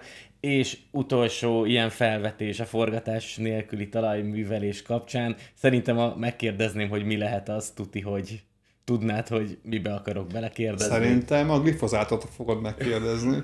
Így van, mert hogyha már a no kifejezetten mondjuk ez a nakos tájékoztató megemlíti, akkor valamilyen szinten legalábbis gyakorlati információim alapján, amit a nótillesektől hallok, gyakorlatilag a nótil ki is van zárva, hiszen ugye biogazdálkodókkal is sokat beszélgetek, és ha nem is mondom, hogy 10-ből 10 biogazdálkodó mondja azt, hogy bióban nem hozható össze a nótil, 9 biztos ezt mondja, és nem nagyon találunk példát gyomírtó szer nélküli nótillezésre, és mégiscsak itt van egy csökkentett szerlista, ami az egyébként talán legjobb talajművelési módot rögtön kizárja. Igen, itt igazándiból röviden, röviden le tudjuk zárni ezt a kérdést, mert gyakorlatilag lehet, hogy erős a kifejezés, amit használok, de azt kell mondanom, hogy itt, itt agronómiai érvek állnak szemben egy, egy, egy olyan elvi kérdéssel, ami viszont nem, nem a magyar tagállamnak, a, és nem, nem a strattervet író szakértői gárdának a, az elvi álláspontja, hanem ez, a, az, ez, ez az Európai Bizottság elvi álláspontja. A totális gyomírtó szerek, és hát különösen a glifozát tartalmú szereknek a termelésben tartása, ne adj Isten az ösztön, a felhasználásuknak az ösztönzése, akár csak áttételesen is, az, hát az kerülendő és ezt olyan szintre is levezethetjük, hogyha valaki előveszi a 2021. december 30-án benyújtott strat meg a jóváhagyottat, akkor bizony, bizony azonosítható, hogy ez az, ez az explicit tiltás, vagy ez a, ez a, ez a szűkítés, ez bizottsági nyomásra került be. Nem, nem titok, ez úgy zajlott, hogy mi kezdettől fogva ezt a forgatásműki művelést, mint egy ilyen zászlós hajó AÖP gyakorlatot szerepeltettük a tervezetben, majd amikor ennek a részletes vitájára került sor, akkor a bizottság képviselői kategórikusan közölték, hogy ez egy nagyon jó gyakorlat, de kizárólag akkor lehet az ökoszkém, tehát az AÖP-nek a része, ha garanciát vállalunk arra, hogy ez nem, nem okoz még áttételes ösztönzés sem arra, hogy a glifozátnak a területi vagy mennyiségi felhasználása növekedjen. Ennyire prózai a magyarázata. Nyilván tisztában vagyunk vele, hogy ez korlátokat szab annak, hogy a klasszikus értelemben vett nótil az AÖP-ben mennyire tudja reprezentálni magát. Ez egy adottság, amit amit, amit tudomásul kell vennünk. Hogyha eddig mondjuk a zöld szemléletű hallgatók ilyen bólogatva hallgatták az én hangomat, most szerintem átcsapott, átcsapott a másik irányba, hogy itt rákérdeztem, és idézőjelesen kampányoltam a glifozát mellett, ez tényleg nagyon idézőjelesen, mert nem, nem kampány volt, hanem tényleg csak a technológia részeként vetettem fel. És hát akkor a, most már tényleg lassan a végére jutunk a beszélgetésnek, mert hogy a szántóföldi rész az AÖP-nél az kipipálva, de hát van itt ugye egy gyepes, illetve egy ültetvényes vonal, ami sok szempontból hasonló. Nyilván mondjuk a, a gyep esetében azért vannak itt még érdekességek, például a szakaszos legeltetés, de erről direkt nem foglak kérdezni, ugyanis, ahogy a felvezetőben is említettem, a következő nagy szakmázó hektár podcastban a szakaszos legeltetésről lesz szó, és ott lehet majd hallani a te hangodat is, mert elmondod, hogy akár AÖP szempontból, akár támogathatósági szempontból, akár jogszabályi szempontból. Mondjuk a szántóföldi szakaszos legeltetés működhet-e, de van-e pontja itt akár a gyepes, akár az ültetvényes AÖP lehetőségeknek, amire szerinted mindenképpen kellene szót ejteni, mert mondjuk nem elég elolvasni a naknak a tájékoztatóját, vagy ha kijönnek hamarosan a a jogszabályok, akkor azt. A gyepeknél néhány dolgot mindenképpen szeretnék kiemelni. Az egyik az az, ami talán már elterjedt a köztudatban, hogy a naturás gyepek egy ilyen különleges státuszt képviselnek az AÖP-ben, ugyanis ez az egyetlen olyan földhasználati kategória, ami akár tokkal vonóval kihagyható az AÖP-s vállalásból. Tehát, hogyha én gazdálkodok 300 hektáron, és ebből, ebből 100 hektár naturás gyep, akkor teljes mértékben ezt a 100 hektár Natura kihagyhatom a, az AÖP-ből, és akkor a maradék 200 hektárral vagyok bent. Nyilván értelemszerűen akkor az AÖP támogatást is csak 200 hektárra fogom megkapni, de azt gondolom, hogy ennek azért van gyakorlati jelentősége, hiszen a Natura gyepek egyébként is, tehát jogszabály erejénél fogva számos olyan ö, földhasználati gyakorlattal, ö, korlátozással érintettek, amihez képest már nem biztos, hogy minden termelő szeretne plusz teljesítményt beletenni. Persze, hogyha valaki mégis tesz vállalást a naturás gyepére, azt, azt, örömmel, azt örömmel nyugtázunk, és, és természetesen akkor, a, akkor, a, akkor mind a 300 hektár, most maradva a példánál, akkor megkapja az AÖP támogatást.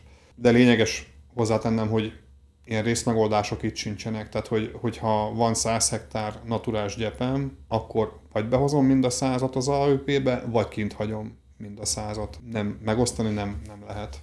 A másik, ami itt a szakmai egyeztetések meg a jogszabály szövegezése utolsó szakaszában tisztult le, az AKG különböző gyepes tematikus előírás csoportjaiban résztvevő gyepterületek és az AÖP választható gyakorlatai hogyan viszonyulnak egymáshoz. Eleinte azt gondoltuk, hogy mivel kaszálásos vagy legeltetéses hasznosítás az AKG és tecsekben is alapkövetelmény, ezért az lenne, hogy a kettős finanszírozás kockázatának elkerülése miatt az lenne a helyes magatartás, hogyha ha ezt nem hagynánk egymásra csúszni, és ugye azt mondanánk, hogy egy-egy terület vagy itt vesz részt, vagy ott, de mind a kettőben nem.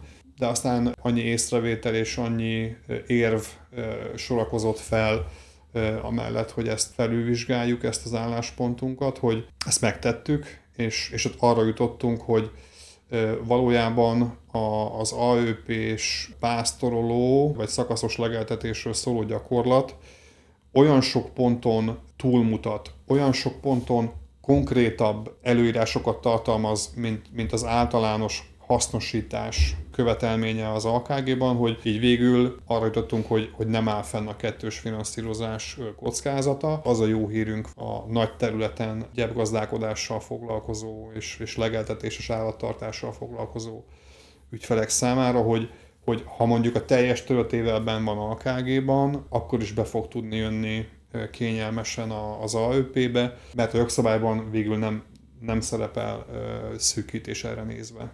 És ha zöld felépítmény, akkor gyakorlatilag ugye a már sokat emlegetett AKG, Natura 2000, valamint tehát ugye az ökoprogram, ami ide tartozik, valamint egyébként ugye az erdészeti támogatások is ugye ebbe a körbe, de azokat most kihagyjuk, majd lesz az erdőmezővel is közös Lombok közt című hektár podcastunk remélhetőleg most már hamarosan de összességében is ez az AKG, Öko, Natura 2000, ez egy, ez egy nagyon komoly külön láb, azt gondolom itt a zöld felépítményben, ami adott esetben egy külön podcast beszélgetést ö, ö, ér, tehát nem, nem biztos, hogy mélységébe most ö, főleg, főleg egy ilyen hosszú beszélgetés végén ö, bele kell menni. A zöld felépítménynek egyébként ezek, ezek, ezek az említett támogatási formák abszolút a lényegi rétegei közé tartoznak.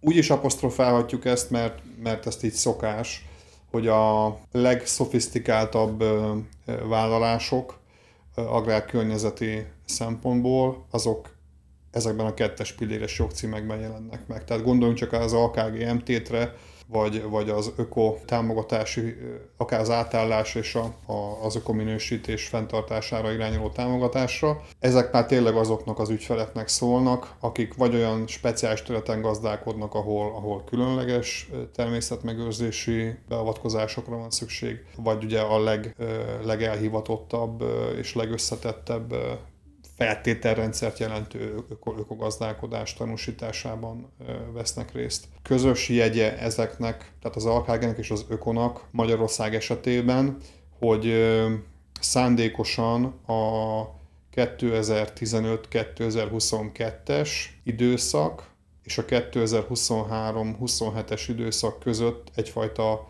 áthidaló, összekötő kapocsként. Egy három éves programot hirdettünk meg, egész pontosan a, a vidékfejlesztési program irányító hatósága, sőt ez azt hiszem még a gémmegőrzésre is igaz, hogy még véletlenül sem kerüljünk olyan helyzetben, mint korábban, hogy a két programozási időszak között támad egy rés, és egy finanszírozási vákum. Tehát ez a három éves program tökéletesen alkalmas arra, hogy egyik programozási időszakból átlendítse ezeket az ügyfeleket, meg ezeket a területeket a következőbe. Tehát ezek 2024. december 31-ig szóló kötelezettségvállalások, és ahogy a Stratterben is rögzítettük, 2025-től indulnak majd a, az új már ismételten 5 éves programok. Azt mind a szakmai, mind a, a, a, az igazgatási szereplők jól tudják, jól tudjuk, hogy ezeknek a, az 5 éves programoknak az előkészítése azért komoly odafigyelést igényel, sok egyeztetést, és várhatóan akár már idén második fél évben is ez, ez a munka megkezdődhet, mert rengeteg olyan szakmai felvetés van, mind az AKG, mind az ÖKO tekintetében, amiket, amiket érdemes érdemben megvizsgálni. És a Naturáról még egy mondat, pontosabban kettő. Ugye a Natura egy kompenzációs kifizetés, ami jelenleg gyepre és erdőre működik. A kormányrendeletben, vagy a gyepek esetében kormányrendeletben rögzített földhasználati szabályok ellentételezése gyakorlatilag ez a kifizetés. Hogyha valaki pontosan vagy, vagy, vagy mélyrehatóan olvasta a jóváhagyott magyar strattervet, ami nyilvánosan elérhető már egy jó ideje, akkor ott láthatta, hogy a Natura 2000 szántók esetében egy 2025-ös vállalást tett Magyarország, legkésőbb 2025-től ezen területekre is alkalmazni fogjuk a Natura kompenzációs kifizetéseket. Itt nyilván számos jogalkotási feladat is vár még a házra, hiszen kompenzációs támogatást akkor lehet fizetni szántók esetében is, hogyha a gyepekhez hasonlóan vannak jogszabályban rögzített földhasználati szabályok. Mivel két és fél órája ülök itt az irodádban, félve kérdezem, hogy amikor ezek majd kikristályosodnak 2024-2025-ben, akkor, akkor újra tudunk-e majd beszélgetni. Addigra kipihenjük ezt a, ezt a mostani podcastot természetesen, igen. És hát akkor nem termelő beruházások támogatása. Ez az, ami még zöld szemmel szerintem egy nagyon szimpatikus, nagyon jó, tényleg környezetvédelmi szempontból egy, egy, egy nagyon üdítő és üdvözölendő támogatási forma, ami viszont nem új, és pont ez a idézés probléma felvetés, hogy ez, ez az előző ciklusban is ismert volt, ez az előző ciklusban is nyitott volt, mégsem használták igazából. Nem tudom, hogy a forrásnak hány százalékát sikerült felhasználtatni gazdálkodókkal, akár egy mezővédő erdősávra. Ebben lesz változás? Mindenképpen, és ö, hadd kezdjem azzal, hogy a nem termelő beruházásokhoz, hogyha elérünk a, a zöld felépítmény rétegeinek a számba vételekor, akkor valójában ezzel a mozdulattal vissza is kacsinthatunk a legelejére az alaptámogatásra jogosult terület definíciójával. Hiszen itt, itt ér körbe a logika. Mondhatnám azt is, hogy hogy a nem termelő beruházásokkal koronázzuk meg a, a zöld felépítményt, de mit sem érne ez a korona, hogyha nem aranyból lenne, hanem, hanem valami kevésbé értékes fémből.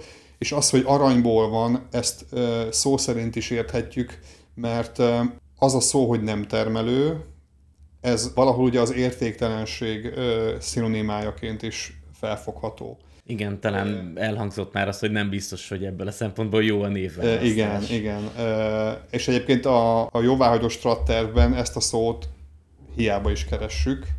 Emlékeim szerint ez, ha szerepel is benne, akkor csak valamilyen levezetésben, de magának a beavatkozásnak a neve, hogyha valaki rá akar keresni a jóvágyos tatterbe, akkor ne így keresse, hogy nem termelő beruházás, hanem úgy keresse, hogy agroökológiai földhasználatváltást ösztönző beruházás, illetve önálló jogcímként ennek a agroökológiai földhasználatváltást fenntartó támogatás. Kérdezted, hogy ez most miért, miért gondoljuk, hogy majd népszerűbb lesz, mert tény és való, hogy a 2015-22-es időszakban nem, nem tartozott a, a legnépszerűbb intézkedések közé a nem termelő beruházás. Meggyőződésünk szerint ennek az egyik fő oka, ha nem is az egyetlen, de, de az egyik fő oka biztos, hogy az volt, hogy a, az alaptámogatásra, a közvetlen támogatásra jogosult terület definíciójával nem volt összeegyeztethető korábbi években a korábbi időszakokban egy mezővédő erdősávnak a léte, vagy egy vizes élőhelynek a léte. De ugye pont a beszélgetésünk elején tisztáztuk, hogy a zöld felépítmény alapja, hogy egyáltalán milyen terület jogosult támogatásra, közvetlen támogatásra, és minden ráépülő. Ugye azt gyorsan tegyük hozzá, hogy amikor arról beszélünk, hogy egy, egy terület jogosult alaptámogatásra, azzal azt is mondom, hogy a ráépülő támogatási formákra is. Tehát, hogyha a közvetlen támogatásoknál nézzük a BIS alaptámogatást, aztán az újraelosztó támogatást, ami ugye a kisebb üzemek számára egy, egy közvetlen támogatási forma, automatikus, fiatal gazdálkodók többlet támogatása, AÖP, de akár terméshez kapcsolt támogatás is. Tehát, hogyha nekem van egy 20 hektáros táblám, amihez kapcsolódik egy fél hektáros mezővédő erdősáv, ezt, ezt a példát pont elsütöttem a, a beszélgetési korábbi szakaszában, akkor én ezen a táblán, ugye ebből 20 hektárt valóban effektíve szántok, vetek, aratok, és fél hektár az egy ilyen csatolmányként agroökológiai funkciót betöltve ott van, akkor nem csak az alaptámogatás, hanem a redistribúciós támogatás, a fiatal gazdatöbblet támogatás, az AÖP, de akár még a terméshez kapcsolt támogatás is. Ha azon a táblán én mondjuk csemege kukoricát termesztek, és, és ez, a, ez az összes támogatás mind jár rá, plusz még a terméshez kapcsolt zöldségnövény, ipari zöldségnövény támogatás is, akkor az arra a fél hektár mezővédő erdősávra is jár. Az összes. Több száz euróról beszélünk már hektáronként, hogyha ezt mindig egymásra rétegezzük. Szóval ez az egyik ok, ami miatt úgy gondoljuk, hogy ez most mindenképpen népszerűbb kell, hogy legyen. A másik pedig a, az egész zöld felépítményt átívelő következetesség. Tehát, hogy a, ha valaki úgy dönt, hogy létrehoz ilyen agroökológiai nem termelő beruházást, vizes élőhelyet, erózióvédelmi létesítményt, mélegelőt telepít, akkor az egész zöld felépítményen végig fogja kísérni, hogy ezt figyelembe vehető, mint teljesítmény. Nem csak az alaptámogatásra és a ráépülő támogatásokra való jogosultság szempontjából, hanem a 8-as számú HMK nem termelőelem kijelölésnél, az AÖP-ben, ha 10%-os nem termelő gyakorlatot választ, akkor ott is. Tehát abban reménykedünk, hogy támogatási oldalról, támogatáspolitikai oldalról sikerült kiírtani, megszüntetni azokat a gátló tényezőket, ami, ami, miatt, ami miatt nem volt, nem volt túl csábító gazdálkodóként ilyet létesíteni. Harmadik, negyedik érv, és ez nem fontossági sorrend, mert mondhattam volna legelsőként is, hogy sajnos Sajnos az elmúlt másfél év időjárási eseményei nagyon világos üzeneteket fogalmaztak meg mindannyiunk felé, gazdálkodók felé, meg úgy általában a társadalom felé, hogy bizonyos dolgokon muszáj változtatni, bizonyos dolgokon muszáj elgondolkodni, hogy valóban megtettünk-e mindent eddig, hogy ott tartsuk a vizet, ahol egyébként a Jóisten megadta, és csapadék formájában leesett, és, és akár vissza is tarthattam volna. Valóban visszatartottam, vagy, vagy éppen ellenkezőleg mindent megtettem, hogy levezessem. Nyilván a racionalitás mellett olyan szempontok is voltak, ami ugye szabályozási oldalról nem volt optimális, Ezeket is feloldottuk már, hiszen a víz visszatartás és a, a belvíz elvezetés közötti konfliktust már a termőföldvédelméről szóló törvényben is rendeztük. Tehát most már, hogyha ha visszatartom a, a vizet, azzal nem követek el olyan szabálytalanságot, ami miatt mondjuk termőföldvédelmi bírságot kellene rám kiszabni. Én, én bízom benne, hogy tetten érhető a gyakorlati szereplők szemében is, hogy tényleg próbáljuk úgy rendezni a különböző instrumentumainkat, eszközeinket, hogy azok, azok ne, ne hassanak egymás ellen, hanem, hanem, hanem szinergiában legyenek. Nem termelő beruházások támogatásánál a támogatási összeg is változott, gondolom. Jelentősen, jelentősen megemeltük a, az egységösszegeket. És amiket itt elmondtál, és ez azt gondolom, hogy itt csúcsosodott ki a nem termelő beruházások támogatásánál, ezt azért kommunikálni is kell a, a termelők felé, méghozzá meg kéne próbálni célirányosan, mert hogy az egy dolog, hogy ugye járjátok az országot több kollégáddal is, akár agrárkamarát nézzük, akár ugye agrárminisztériumot, és, és, és alapvetően tájékoztatjátok a termelőket a, az, az új kapról, de hát a, a zöld felépítményről és a, a zöld megoldásokban rejlő lehetőségekről is ugyanígy érdemes kommunikálni, és erre van pont az előbb említett Nemzeti Agrárgazdasági Kamarával egyfajta együttműködés, vagy hát ott, ott működik, vagy működni fog egy ilyen zöld szaktanácsadó testület. A, a pontos neve, ha jól emlékszem, zöld támogató hálózat egyenlősége lett tennék ennek a jelentősége és a támogatható terület definíciónak a kiterjesztése között.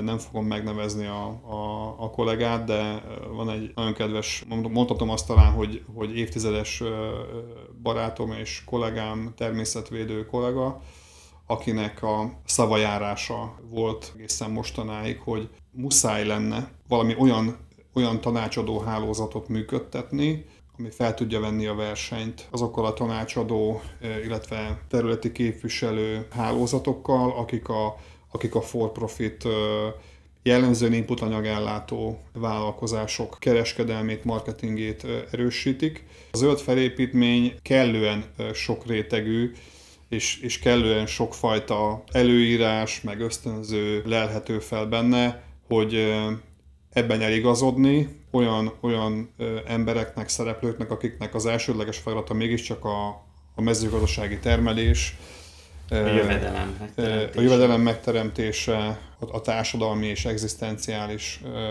feltételek megteremtése. Nekik mindenképpen szükségük van egy olyan segítségre, ne csak a támogatási dimenzióban, hanem a, a gazdálkodás, a piaci lehetőségek és a támogatás együttesében ezeket a lehetőségeket tudják azonosítani, párosítani. És ez a zöld támogató hálózat, én azt gondolom, hogy ebből a szempontból egy, egy ugyanolyan régi adósságot törleszt agrárpolitikai oldalról, mint ahogy a támogatható terület definíciójának a felülvizsgálata vagy, vagy kiterjesztése. Gyakorlatilag végére értünk a, a beszélgetésnek, ami során két dolgot szeretnék még leszögezni, és sajnálom, hogy ezt nem az elején tettem, mert hogy tényleg nagyon zöld szemléletű beszélgetést folytattunk. Ugyan volt egy-egy szóba megemlítve, hogy beszélgethetünk bármennyit szerintem AÖP-ről, mezővédő erdősávról, bármiről. A termőföldnek jelen pillanatban az elsődleges funkciója, hogy jövedelmet juttasson a tulajdonosának, vagy ugye annak, aki, aki műveli. Ráadásul ugye az a saját tulajdona, ami nem jelenti azt, hogy nem kell azzal felelősen gazdálkodni, és ugye vissza, visszatérünk ugye a zöld szemlélethez, de azt gondolom, hogy ezt, ezt végig nagyon fontos, és ezt ti is mindvégig szem előtt tartottátok. Így van, annyival kiegészíteném, hogy mind a, az agrárpolitikáról, az agrárpolitikai uniós keretekről szóló tárgyalások során, mind a, a magyar kapstratégiai terv kidolgozása és a bizottsággal való elfogadtatása során túlzás nélkül mondhatom, hogy az, az volt a jelmondatunk, hogy kiegyensúlyozott megközelítést követünk, fenntarthatósági, természetmegőrzési, a klímaváltozáshoz való alkalmazkodás, illetve a mitigáció, azokat egyenlő hangsúlyjal kezeljük, a jövedelemtermelési és élelmiszer előállítási funkcióval. Tehát, hogy nem lehet cél semmelyik funkciónak az abszolutizálása. Jövedelemtermelő és biztonságos élelmiszert előállító mezőgazdaság nélkül nincsen, nincsen fenntartható erőforrásgazdálkodás és fordítva. És hát akkor végére nem tudom, hogy zárszó, egy-két mondat, bár nem tudom, hogy maradhatott-e benned bármi olyan üzenet a, a termelők felé, ami nem hangzott el így az elmúlt Hát több mint két órában, két és fél órában. Biztos, biztos hogy számos dolog ö, ö, nem hangzott el, ami, ami egyébként hasznos lenne a gazdálkodók számára, vagy akár a, a szaktanácsadók számára. Ha van ilyen, akkor ö, természetesen, ahogy eddig is igyekszünk mi is, meg a kamara is minden, minden kérdésre a lehető leggyorsabban válaszolni. Tehát ugye a kimarad dolgok, esetlegesen kimarad dolgok helyett én inkább csak csak megismételnék egy, egy szerintem kulcsüzenetet, amit alapvetően megfogalmaztunk már itt a beszélgetés közben is. Tehát tényleg ez csak egy ilyen ráerősítés, hogy mind a körülöttünk tapasztalható ö, időjárási ö, jelenségek, a, a talajaink állapota és a, a kilátások, a, a, a piacon tapasztalható turbulenciák miatt én, én arra bátorítok minden gazdálkodót és minden szaktanácsadót, hogy ezeket a támogatásokat ne csak felhasználjuk, hanem használjuk is ki a, a bennük rejlő lehetőségeket, és olyan dolgokra fordítsuk a, a mondjuk az AVP-nek a választható pontjait, amik túlmutatnak az adott gazdálkodási évnek a, a rövid távú hozadékán. Az Agrárminisztérium támogatáspolitikai főosztályának, agrárstratégiai koordinációs osztályának osztályvezetőjét hallottátok Madarász Istvánt. Nagyon szépen köszönöm, hogy itt voltál a hektár magágyban, és hogy tényleg nyilván akkora ez a zöld felépítmény, hogy így is maradt ki sok minden, de hogy ennyire részletesen válaszoltál a kérdéseimre, és hogy ilyen hosszan faggathattalak, úgyhogy ezt tényleg nagyon szépen köszönöm. Én is köszönöm, és neked további jó munkát kívánok, a gazdálkodó társaknak pedig eredményes gazdálkodási évet és, és bölcs egységes kérelembenyújtást. A műsor támogatója a Danuba. Legyen zöldebb a mezőgazdaság! Hallgatóimtól is búcsúzom, köszönöm, hogy velem, illetve velünk tartottatok. A Hektár Magány Podcast sorozatot hallottátok. Ne felejtjétek el követni a podcastot YouTube-on, Spotify-on, Deezeren, Google és Apple podcaston, valamint bármilyen olyan platformon, ahol éppen hallgattok bennünket, lájkoljátok a Hektár Mezőgazdasági Podcast Facebook oldalát, Instagramját, és természetesen maradjatok velem továbbra is. A Hektár Mezőgazdasági Podcastot hallottátok Gribek Danival, ne felejtjétek, óvjátok a talajt és a környezetünket. Sikeres gazdálkodást kívánok!